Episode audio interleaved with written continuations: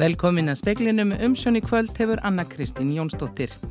Leðtóðar Norðurlandana kvika hverki í stuðningi sínum við Úkrænu í stríði við rússa. Framlag Íslands verður helst að hjálpa til að skrá það tjón sem rússar hafa valdið í Úkrænu.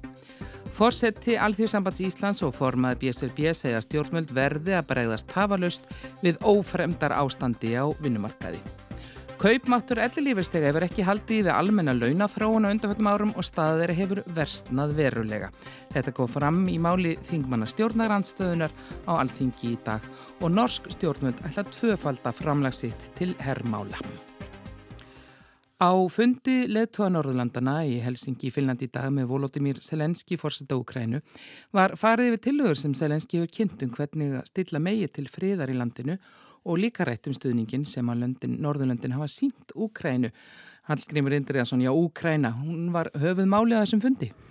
Já, hún var í raun og veru eina málið en fjallað um það frá svona ímsum uh, sjónarhóttnum og meðal annars svona já, því hvað bæði löndin saminlega og hvert og eitt gætu gert til þess að halda áfram uh, stuðningi við Úkrænu og uh, þar var til dæmis uh, nefndur sérstakur stuðningur hvað, hvað Ísland gæti gert og þar, það snýr meðal annars að skráningu á uh, meintum glæpum og, og skemdum sem rúsar hafa, hafa valdið en uh, Katrín sem ég talaði við núna bara rétt á þann var uh, uh, með þennan fund og, og saði hann skipta miklu máli.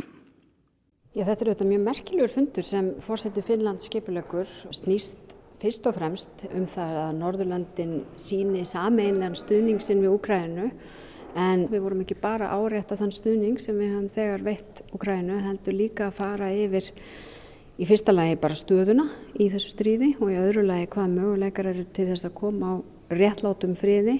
Við vorum að ræða sérstaklega þær friðartilögur sem Selenski fórset hefur sjálfur kent og svona einstaka þætti þeirra og hvað hvert og eitt okkar getur gert til þess að mjaka þeim málum áfram. Hallgrímur Rússar sökuði í morgun Úkrænu um að hafa sínt Vladimir Putin fórsetta Rúslands banatilræði með dróna. Hvernig brást og brást Selenski eitthvað við þessum ásökun? Jú, hann var spurður um þetta á fundinum uh, rétt áðan og saði að Þetta uh, neytaði þessu alfarið að Úkrænum en væru ekki að ráðast á einni en einna á, á erlendri grund uh, en, uh, og taldi að þetta væri sett fram af því að Vladimir Putin gæti ekki selt neina segra í þessu stríði á neinum öðrum stöðum ekki og hann væri í raun og veru ekki að segra neitt, hann væri bara að tapa. Og til þess að reyna að blása mönnum baróttu anda í brjóst þá yrði hann að hafa já svona eitthvað, eitthvað haldreipi þannig að hann uh, greinilega, það var greinilegt á honum að heyra að uh, þetta væri bara til heima brúks og, og uh, það, hann allavega sagði að þetta, það væri ekki nokkur einasti fótur fyrir því að, að úkrænumenn væru að, að ráðast á einnin einn. Þakkaði fyrir Hallgrímur og við höldum auðvitað áfram að fjallum þessi mál bæði síðar í speklinum og í sómarpsfréttum og eftir. Örfunar bólusetningar gegn barnaveiki, kíhósta, mænusótt og stífkrampa liggja niðri því að bóluefni er ófáanlegt.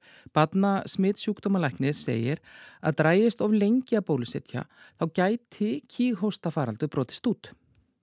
Kíghósti getur valdið alvarlegum einkennum og er jafnvel lífshættulegur fyrir ungbörn. Skortur á örfunar bóluefni hefur ekki áhrif á grunn bólusetningar barna en Valtýr Stefánsson Tórs, barna smittsjúkdómalæknir, segir að mesta hættan sé fyrir þau börn sem eiga eftir að fá fyrstu sprautuna. Þá verðum við að trista á það að móðurinn sé varin og börnin í umhverfunu sé varin til þess að þau beri ekki slíka síkingu heim og þarna getur mögulega skapast aðstæður þar sem að nógu margir er ekki nægilega vel varðir yfir nægilega langan tíma að þá geta komið upp litlir faraldrar af, af kíghósta. Saði Valtýr Stefánsson Tórs, Alma Ómarsdóttir talaði við hann. Lögreglan á höfuborgarsvæðinu rannsakar eldsvoðan í hafnafyrð á mánundag sem mögulega íkveikju. Ungmenni sem lögregla auglisti eftir gáðu sig fram við hanna í dag. Ekkert í samaræðum þeirra við lögreglu varpaði frekar ljósi á tildrög eldsvoðans að sögn skúla Jónssonar aðstóðar yfir lögreglu þjóns. Lögregla býður staðfestingar mannvirkjastofnar á því að rafmagn hafi ekki verið á í húsinu. Eigandi húsins hafði áður staðfest að það ekkert rafmagn hefði verið á því. Þeir sem telja sig af einhverju upplýsingar sem getur nýst rannsókn á tildrögum eldstóðans eru beðnir um að hafa samband við lögreglu. Fjármálar á þeirra sagði stjórnarandstöðun að fara með rakalausan þvætting og allting í dag þegar hann var sakkaður um að hafa stuðlaða kaupmáttar rýrutnun ellilíferistega. Hann sagði að kjör eldri borgara hefðu batnað verulega á undanförnum árum. Viðar Eggertsson var að þingmaður samfélkingarinnar var málsefjandi umræðum kjara gliðnun á alþingi í dag. Viðar vísaði í útreikninga landsambands eldri borgara um að kaupmáttur ellilíferistega hefði ekki haldið í við almenna launathróun á síðustu árum. Staða þeirra hefði því vestnað verulega. Lálauna fólk getur vart lifað af 402.000, hvað þá fátækt eldra fólk getur lifað af 307.000. Síðan á eftir að greiða tekjuskatta þessum upphæðum svo rauntekjunar eru læri. Haldur á Móensen þingmaða Pírata og Inga Sæland formar flokksfólksins tóku í sama streng. Kjör þessa fólks hafa bara ekkert batna í samræmi við kjör annara á vinnumarkaðinu. Og það er ekki góð staða.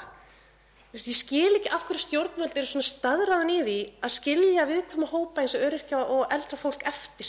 Ég veit ekki hver mögulega getur talað hér og um að hér drúpi smjörast að hverju strái þegar við vitum um raunveruleg bájendin út í samfélagi. Bjarni Bendinsson fjármálaráþara vísaði þessu á bug. Hildartekjur lífeyrisþega sem fá greiðslur frá tryggingastofnun ríkisins hefðu hækkað um helminga á síðustu átta árum, kaupmáttur hefði aukist hlutvarslega mest hjá tekjuláum og útgjöld ríkissjós í málaflokkin næri tvöfaldast á sama tíma. Þá hafa hér bara flóið fyrir innistæðu lausar fullirðingar um að hér hef ég e, talað um að það drifli smjöra hverju strá og það ein, hefði engin e, bátt og allir hefði það gott. Allt saman e, rakalaus e, þvættingur raun og veru og, og óra vegu frá því sem ég var að flytja hér í mínu máli. Í mínu máli var ég að benda á staðrendir, staðrendir sem að engum hefur tekist að hrekja. Bjarni Bendiktsson á Alþingi í dag, höskuldur Kári Skram tók saman. Landsréttur staðfest í dag gæsluvarhaldi við tveimu kallmönnum á þrítúsaldri í tengslu við rannsókn og andláti konu á Selfos í síðustu viku. Þetta kemur fram í tilkynningu frá lauruglun á Suðurlandi. Báðir mennir voru úrskurðaðir í vikulangt gæsluvarhald og verindu þeirra kærðu úrskurðin til landsréttar. Gæsluvarhaldi rennur út á förstu dag, mennir hafðu setið gæsluvarhaldi í fjóra daga þegar landsréttur hvað upp úrskurð sinn. Lauregla á Suðlandi hefur lítið tjáð sig um rannsóknuna, engungu sagt að grunuleg kjá að andlátt konunar hafi borið að með saknæmum hætti. Fórseti ASI og formaði BSRB segja að stjórnvöld þurfa að bregðast við stöðumál á vinnumarkaði. Sankvæmt niðurstöðum vinnumarkaðskonnunar vörðu, rannsóknarstofu og vegum stjættarfélagana, á tæplega helmingur vinnandi fólks erfitt með að ná endum saman og er það tölvögt fleiri enn í fyrra. Aukin húsnæðiskostnaður vegur þungt. Fjárhagstaða einstæðra fóreldra er áberandi verst. Það reyga ríflega 6 hverjum 10 erfitt með að standa undir kostnaði, segir Sonja Þorbergsdóttir formaði BSRB. Ríflega fjórðungu búið fátækt og gríðalegu fjöldi badna þar að baki. Ebla þurfi badnabóta kerfið og auka stuðning við leyendur. Þetta eru kröfur sem við höfum verið að gera bara í ára fjölda en hins vegar er það alveg ljóst að staðan er að vestna og við heyrum það þetta mjög skýrt frá okkar félagsfólki að þurfa að bregðast við. Það skiptir ekki bara máli hvað færði gegnum launaumslæði, heldur líka stuðningu stjórnvalda og þess vegna verða stjórnvalda bregðast við. Eh, það er verið að kalla þetta þjóðarsátt eh, við almenning í landinu og það þarf ekkert að býða eftir því að það komi kjærasamningar. Þetta er bara ákallt til stjórnvalda að bregðast strax við þessu ófremdar ástandi sem að uh, þessi skísla sínir okkur. Saði Finnbjörna Hermansson, fórseti Alþjóðsambands Íslands og rætt var við Sonju Þorbergsdóttur, formann BSRB fyrr.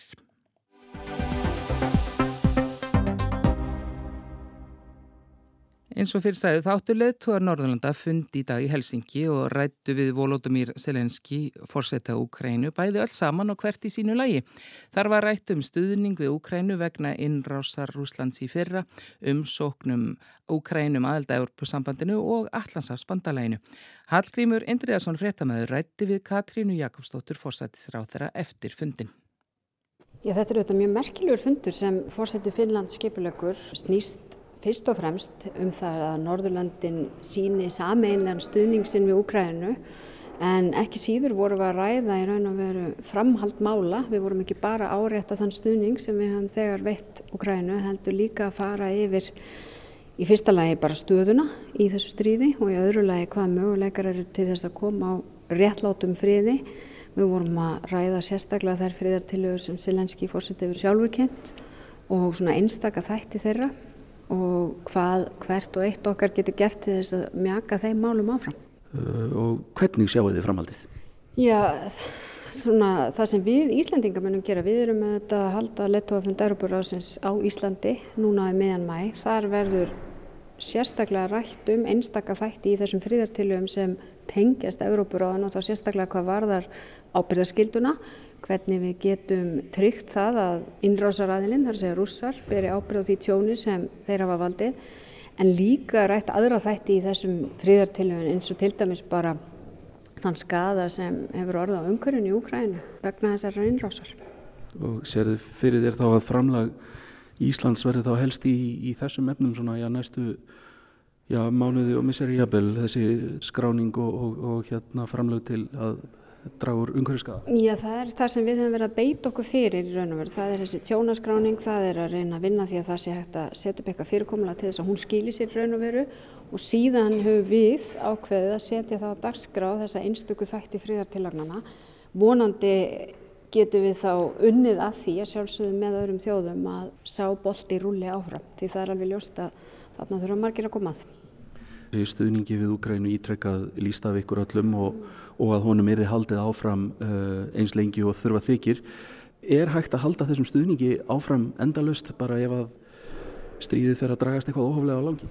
Já, það er svo afstæðið sem við höfum tekið að halda áfram að stiðja Úgrænu eins og ég fór yfir þá undirbúið Íslands stjórnvöld núna svona næstu aðgerðir, næstu stuðningsaðgerðir við Úgrænu í fjárhagslegum stuðningi og þar höfum við þetta verið fyrst og fremst á borgarlegum fórsendum eins og eðlilegt er en verið bæði að styðja við mannúðarástóð uppbyggingu í landinu og komið með stuðningin í varnatengt verkefni og það sem var sérstaklega rætt á þessum fundi var möguleg uppbygging áfram því það er alveg ljóst að Ukrænum en þeir eru hverginæri hættir getur við sagt og ætla sér að tryggja það að það verði byggt upp að nýju í Ukræna að lokna þessu stríð.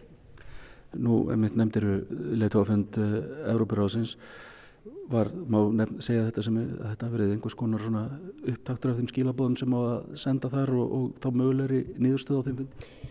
Já, það var alltaf að tölvist rætt um fundin en það eru svona ákveðin grundvallar atriði sem snúast bara um Evrópu og hvernig Evrópu við viljum byggja sem verða þar til umræðu. Evrópu ráði byggir á þessum grundvallar gildum okkar um það að leikreglunar séu virtar við virðum mannréttindi og líðræði í öllum okkar störfum og þetta er þetta eins freklegt brot á þeim grundvallar gildum og við höfum séð þannig að það er ekki nema ellett að Evrópuráði taki þessi mál til umræðu og komi vonandi með leiðir til einhverja lausna á þessum fundi. Þetta saði Katrín Jakobsdóttir eftir þennan fund í Helsingi sem hann fylgst með í fréttum í dag. Hann snýrist um stríð sem hefur kannski ekki verið aðalmálið þegar að norræni leðtóðar hafa hist hingað til og hingað í speilin til að tala um áherslur í Norðurlandasamstarfi eru þau komin Bryndís Haraldsdóttir, þingmaður og formaður Íslandsdildar Norðurlandaráðs og Hrannar B. Arnarsson sem er formaður Norræna félagsins. Bryndís, það er svo sem það liggur eiginlega bara beilins við að þessi fundur hann er svona kannski bara merki um áhersluna sem hafa verið áberandi í, í samtölum norræna leðtóða undanfærin misseri. Já, ég menna þetta er alveg skýrt dæmi um það og það eru auðvitað þannig að Norðurlanda ráð og Norrænt samstarf hefur kannski ekki verið með mikinn svona fókus á, á slíkt eða varnarsamstarf en það var þess að höstu 2021 þar sem að hérna, Jens Stoltenberg var aðal gestur Norðurlanda ráðs og það var í fyrsta skipti, það var svolítið skref að vera að tala um varnarmál á vettvangi Norðurlanda ráðs. Þetta er auðvitað fyrir innrásina, svo kemur innrásin og síðan hafa náttúrulega flestir fundir okkar litast af umræðinu um ástandið í Úkrænu. Við höfum auðvitað uh, verið með yfirlýsingar og stutt við Úkrænu en líka hefur Norðurlandarráð kannski aukið ennfreka samstarfið sitt við hérna Ístrasaltlöndin og það er svona orðið enn þéttara og með svo því að núna eru finnar komnir inn í NATO og svíjar vonandi komast ángað inn bara mjög fljótlega þegar búið er að kjósa í, í Tyrklandi að þá er þetta auðvitað svolítið svona breytt mynd og maður sér aukin áhuga á því að Norðurlöndin tali saman og séu svona svolítið afl þegar kemur að öryggis og varnamál.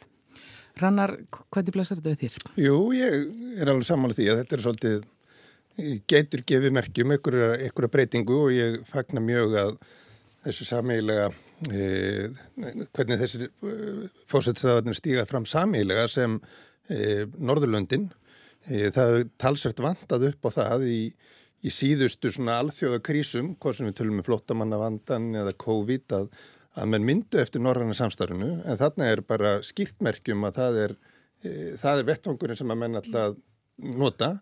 Og e, eins og Bindi segir, mögulega mun aðild e, finna og, og svíja að NATO auðveldað e, Norrlandarþjóðunum að gera þetta á, vettvangi Norrlandar ás því það var aðeins floknara meðan, meðan finnir og svíjarnir voru fyrir utan en e, það er samt ekkit sjálfgefið að það leiði til aukin samstarfs á vettvangi Norrlandar ás það hefði alveg gett að þróast í það átt að að nú segðum við, nú þurfum við ekki Norrlandar á til þess að ræða saman um öryggis og varnamál, við nótum bara NATO. Mm. En þetta skref fórsettistáðana er skýrt merkjum að menn vilji nota Norrlands samstarf, eh, vilji byggja Norrlandum grundöldu og ég fagnar því mjög. Nú hefur við náttúrulega kannski fyrst og fremst hugsað um Norðalandssamstarfi sem menningalegt og svona mm. félagslegt samstarf. Það er minna, við þekkjum frjálst flæði í vinnuafls og, og svona þetta var eitt svona vegabrjáfarsvæði og allt þetta sem mm -hmm. hefur lengi verið með okkur þannig að minn hafa átt sama rétt allstaðar. Eh, einhverju myndu kannski hafa ágjör af því að þessar miklu öryggismála áherslur trombi svolítið það starf, reyndism. Já, ég deili ekki þeim áhyggjum. Ég held að grunnurinn að því að norrænu samstarfi eru auðvitað, við erum lík samfélag, við byggjum á sömu svona grunngildum, við höfum svona svipa að laga umgjörð, þannig að það eru auðvitað mjög oft þannig að við íslenski þingmenn eru að horfa til Norðurlandana í þingsetning í sagt, laga umhverjum og annað. Þannig að ég deili ekki þeim áhyggjum, það, það er vissulega sjónarmið, en ég held að sé líka svo mikilvægt að hafa í huga að við erum hérna og viljum uh, svona markasett okkur þannig að við erum svona að tala fyrir frið og, og við erum herrlaust þjóð Ísland e, og það eru auðvitað allir sko vilja frið. Ég menna fólki sem að vera er að skjóta í Úkrænu eru þau sem að vilja uh, fyrst og fremst fá frið núna en Það, þessi grunngildi og þessi samstarf sem hefur byggt um mikið á félagslegum réttindum, á menningu og annað, er líka mikilvæg grunnur að frið og ég held að það sé einhvað sem við megum alls ekki gleym og við sjáum líka sko þegar við erum að tala um sko árás í dag og við erum að tala um varnamál þá sjáum við hvað rússar eru að beita ég ætla bara að segja ógæðslegum aðferðum á alla kanta og það er líka í því að brjóta niður úkrænska menningu, brjóta niður úkrænsk tungumál og svona. Þannig ég held að við þurfum að horfa á þetta svolítið vittækt og sjá, sjáum það að það samstarf sem við eigum og svo grunnur sem við eigum er líka mjög mikilvægur hluti af svona ákveðnu fríðarsamfélagi og öryggisamfélagi en við getum líka byggt ofan á það. Norræn samstarf var svona kannski samt fyrir einhverjum bara svona hálfgett aukaðatrið, það er ekki mikill áhugi á norðurlandamálum í íslenskum skólum að mista kosti, það hefur verið bitbein lengi og menn töluðum það, ég menna 30 ár síðan að enska kom inn sem fyrsta mál held ég eða eitthvað svo leiðis, ég mann ekki eins og hvernig það var, mjög, orðið mjög langt síðan og það er svona einhvern veginn stundum eins og mannum hafi fundist þetta pínulítið púkalegt rannar. Já, en þannig samt að í öllum konunum og í öllum hátíðaræðum og alltaf þegar menn tala um, já, nánast bara stjórnmúli yfir höfuð, þá er hugmyndunum Norrand samstarf eitthvað sem er mest uh, og viðtækur sáttum í, í samfélaginu og ef almenningur er spurður, þá eh, setur hann það efst á listan yfir mikilvægi til dæmis alþjóðasamstarfs uh, og ég uh, ég tek alveg undir það sem þú segir að ef að áherslan fer á e, e, öryggis og varnarmál með miklum þunga þá getur það haft alveglegar afleðingar á aðra þættin orðan samstarfs en það þarf hins vegar ekki að gera það. Við höfum því miður séða á undanfjörnum áratugum að það hefur skipulega verið dreyið úr norrannu samstarfi með því í rauninni að auka ekki fjárframlum til þess. Þannig að þegar koma ný og flott verkefni inn, eins og til dæmis svo stefnumörkun uh, sem að Haldur Áskunnsson heitin stóð fyrir um að gera Norrlunduna mest samþættasta samþættasta og, og, og uh, grænasta svæði í, í heimi þá voru henni peningarnir teknir úr hinnum þáttunum og settir í það. Það var ekki krónubætt við og ég minna alltaf að fara sömuleið núna í að stóra eða öryggis og varnarmálinn og ekki komið króni í viðbót, þá þýðir það auðvitað bara að aðrið þættir flytjast út. Og það er auðvitað það sem við í Norrannifjónum verðum að benda á að má ekki halda áfram. Við verðum að stór ebla eh, Norrann samstarf og höfum tækifæri til þess og ef við gerum það á vettvangi öryggis og varnamála þá er það bara frábært. Deilir áhyggjum rannast af fjárframlegum til Norrlandalandstarfsins? Já, þetta hefur verið svona stöðut bitbein og, og það er alveg ljóst að við Íslendingar höfum staði vörðum það og, og myndum uh, glöð vera tilbúin að borga meira inn í Norrænt samstarf. En það er líka, þá verðum við líka átt okkur af því að við sem Ísland og Íslensk þjóð erum að fá ábúrslega mikið út úr norrænu samstarfi. Þannig að það er svo sem ekki að það standi á Íslendingum þegar kemur að þessu. Eh, það er þá frekar á stærri þjóðunum og stærri þjóðunum sem eru í Evrópusambandinu. Ég held að sé að nefna svíja kannski sérstaklega í þeim öfnum sem hafa hortið þess, er þörfa á öllu þessu alþjóðasamstarfi. En ég held ekkert neina í þessari breyttu heimsmynd og með stríði í Evrópu að þá sjáu allir mikilvægi þess að Norðurlöndin vinni þjætt saman e, í svo mörgum málum. Og við erum auðvitað með þjætt samstarf hjá mörgum alþjóðstofnunum. Það er þannig að íslenski þingmenni eða íslenski ráðamenni eiga sérstaklega fundi með norrænum ráðurum og þingmönnum þegar fundaðir á öðrum vettfangi og þannig að við erum svolítið þess að þjóði sér stöndum saman. Og þegar kemur að þessum hernaðamálum þá sjáum við til dæmis að, að hérna, e, norrænuríkinur eru eiginlega búin að saminast um sko flugherr þú veist, þau voru með sameilar hérna æfingar lengi vel en nú eru þau eiginlega búin að segja, heyrðu, þetta gerum við bara saman. Og það er alveg ljóst að ég, ég tel að það, það, það muni verða meiri samstarf á þessum vettfangi og mun þjættara samstarf og þá get ég nú kannski kastaði svona inn í umræðina því að fólk hefur eitthvað verið að tala hér í þörfu á íslenskum hér sem að ég tel nú ekki vera og held að sé mjög óhraun eftir fyrir litla þjóð. Ef að við mundum fara lengra í þeirri umræðu þá væri kannski miklu eðlilegar að velta fyrir sér bara norrænum hér sem að Íslendingar gætu haft einhvers konar aðkomu að. En af því þetta eh, samstarf hefur verið farsælt og það er áratöga gamalt, höfum við svona tekjastundum sem sjálf gefið? Já, ég held að mig alveg segja það og sérstaklega undanfarnar áratögi, það var auðvitað Þetta var auðvitað fjöldarhefing sem barðist fyrir þessu og, og fekk í gegn Norrlandaráðið, Ráþæraráðið og, og er einni bjóð til eina fjölskyldu úr þessum uh, áttalöndum skulum við segja. Og það er auðvitað bara einstakt á heimsvísu það sem að Norrlands samstarf hefur gert. Uh, og við getum haldið hér langa ræður bæðum um þann þáttin að hafa skapað hér frið með þjóða sem að voru baróttu gladastar hvort við aðra í, í, í hundruður ára. Þannig að Evrópa getur margt lært af norrannu samstærfi og við höfum eða það mjög margt að gefa. En það er hins vegar á sama hátt getur verið mjög fljótt að gliðna e, eins og við sjáum líka í, í samstarfi og við náttúru annara líka, ríkja.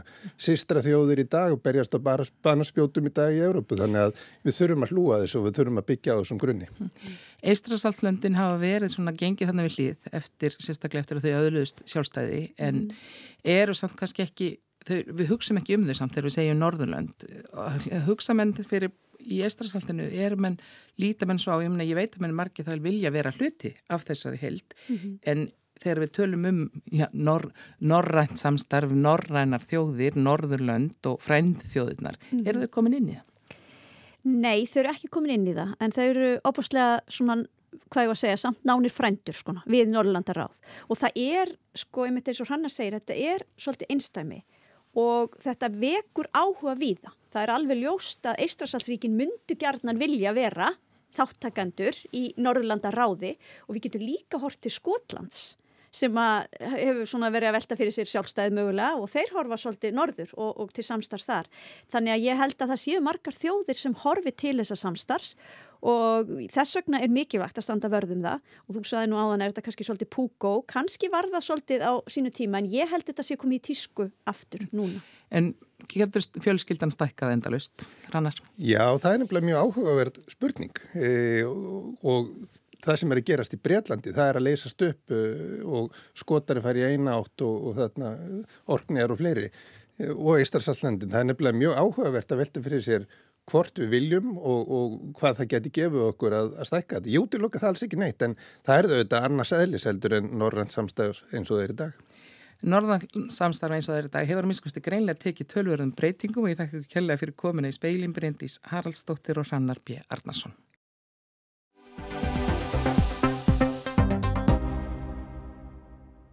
Meira þessu tengt því að það er lagt til að normenn tvöfaldi framlagsitt til hermála á næstu þremur árum. Ef reiknaður í íslenskum krónum þarf að bæta þúsund miljörðum við þá þúsund miljarda sem nú fara til hermála í landinu. Norska ríkstjónin hefur ákveðið að auka framlög upp í þau 2% sem NATO fer fram á en þingskipuð nefnd upplýst í dag að það væri ekki nóg til að mæta vaksandi ógn frá rússum. Gísli Kristjánsson. Hér í höfustafnum er aldrei hermann að sjá. Það er ef frá eru taldir þeir prúðbúnu dátar sem gæta konungshallarinnar. En höfuðstaðurinn er í raun óvarinn og engin her lengur til taks í austur Noregi nema fólkur heimavarnaliðinu. Það lið tekur sér frí frá vinnu einu sinu ári og leikur hermenn sér og öðrun til skemmtunar.